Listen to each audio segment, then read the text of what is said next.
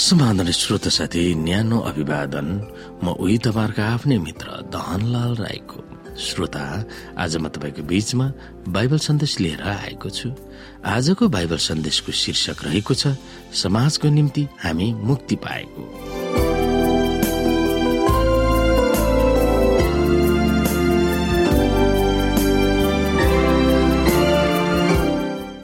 श्रोत साथी आजको अध्याय एफएसी दुई अध्यायबाट। जब तपाईँले यो पढ्नुहुन्छ तब उहाँको पुत्र यशु ख्रिस्टद्वारा परमेश्वरले हाम्रो निम्ति के गर्नुभयो भनेर तपाईँ सोच्न सक्नुहुन्छ। आउनु श्रोता एफिसीको पुस्तक दुई अध्यायको एक हेरौं। तिमीहरू आफ्ना अपराध र पापहरूद्वारा मरेका बेलामा उहाँले तिमीहरूलाई जीवित पार्नुभयो। यिनैमा यस संसारको रीति अनुसार र आकाशको शक्तिको मालिक अनुसार अनाज्ञाकारिताका सन्तानबाट अहिले काम गर्ने आत्मा अनुसार तिमीहरू अघि एकपल्ट चल्दै थियौ तिनीहरूमध्ये हामी सबै पनि शरीर र मनका इच्छा पूरा गरेर आफ्नो पापमय स्वभावका लालासामा अघि जिउँथ्यौं र बाँकी मानिस जस्तै हामी स्वभावैले क्रोधका सन्तान थियौं। तर परमेश्वर जो कृपामा धनी हुनुहुन्छ उहाँले आफ्नो महान प्रेमद्वारा हामीलाई प्रेम गर्नुभयो। यसकारण पापमा हामी मरेका भए तापनि उहाँले हामीलाई ख्रिससँगै जीवित पार्नुभयो। अनुग्रहबाट नै तिमीहरूले उद्धार पाएका छौ र उहाँसँग हामीलाई उठाउनुभयो अनि स्वर्गीय स्थानहरूमा ख्रिससँग बसाल्नुभयो। यो चाहिँ ख्रिस यसुमा हामी प्रति उहाँको दयामा आफ्नो अनुग्रहको असीम सम्पत्ति आउँदा युगहरूमा देखाउनलाई हो। किनभने अनुग्रहबाट विश्वासद्वारा तिमीहरूले उद्धार पाएका छौ र यो तिमीहरू आफैबाट होइन यो त परमेश्वरको वरदान हो। कर्महरूद्वारा होइन नत्र त मानिसले घमण्ड गर्नेछ। किनकि हामी असल कामहरूका निम्ति ख्रिस्टमा सृजना गरिएका उहाँका हातका सिप हौ। हामी ती बमोजिम हिँडौँ भन्ने हेतुले परमेश्वरले अघिबाटै ती तयार गर्नु भएको थियो।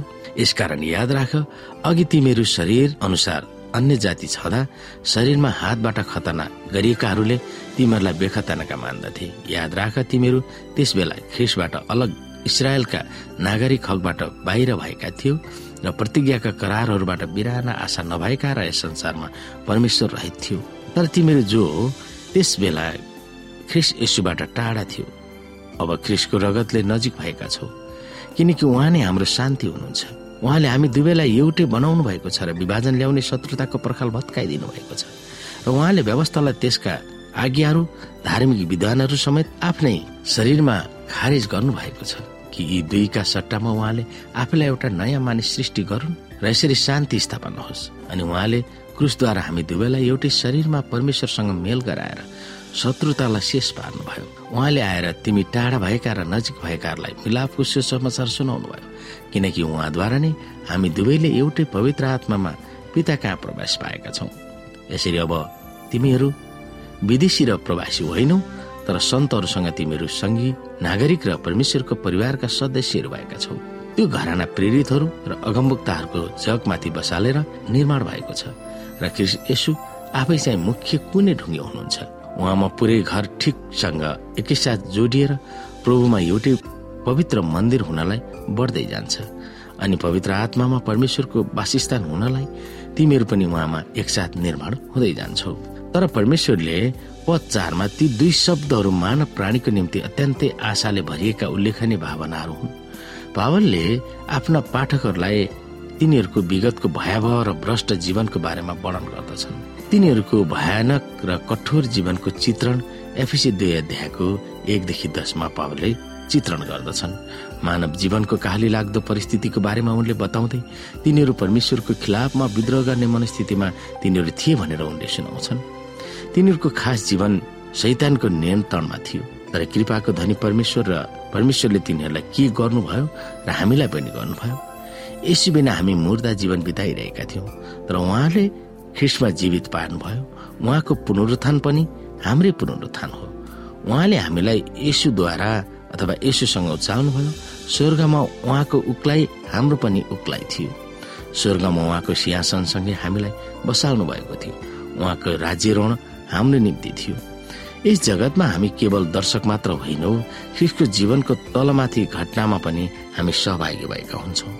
ख्रिस्टसँग हामीलाई समावेश गरेर परमेश्वरले जुन काम गर्नुहुन्छ त्यो हामी असल भएर योग्य भएर हाम्रो कुनै धर्म कर्म होइन तर उहाँको अनुग्रहले हो। यसोसँग एकबद्ध भएर असल काममा लागोस् भन्ने परमेश्वरको नियत हो यदि एफिसी दुई अध्यायको एकदेखि दसले हामीलाई यसोसँग एक भएर बाँचोस् भनेर सिकाउँछ भने एफिसी दुई अध्यायको एघारदेखि बाइसमा उहाँको चर्चमा हामी एक आपसमा एक भएर बसोस् भनेर सिकाउँदछ।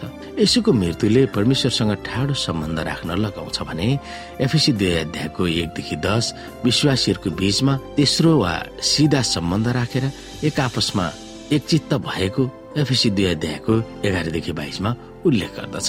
यसैले धर्मको नाउँमा यहुदीले खडा गरेका यहुदी वा अन्य जातिहरूको पर्खालहरू भत्काइदिनु भएको थियो। ती पर्खालहरूमा परमेश्वरले दिनुभएको व्यवस्थाको दुरुपयोग पनि भएको थियो। जसले गर्दा यहुदी र अयहुदीहरूको बीचमा फराकिलो चिरा थियो। यसैलाई विश्वास गरेपछि अब यहुदी र अन्य जातिहरू सम्मान जाति वा एक मानव जाति भएको हुन्छ यसैले चकित पार्ने अरू कुरो पनि निर्माण गर्नुहुन्छ। नयाँ मन्दिर जो सर्व जातिका मानिसहरू समावेश गरिएका छन्। पौराणिक मन्दिरको पवित्र स्थानहरूमा यहुदी भन्दा अरू जातिहरू जान निषेधित गरिएको थियो। अब यहुदीहरूसँग बसेर एक भएर परमेश्वरको आराधना गर्न सक्ने भएको छ।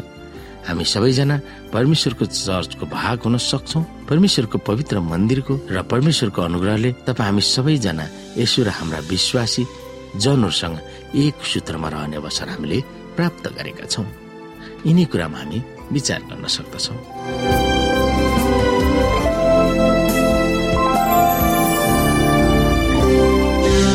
श्रोता साथी आजको लागि बाइबल सन्देश यति नै। हस्त नमस्ते जय मसिंह। Música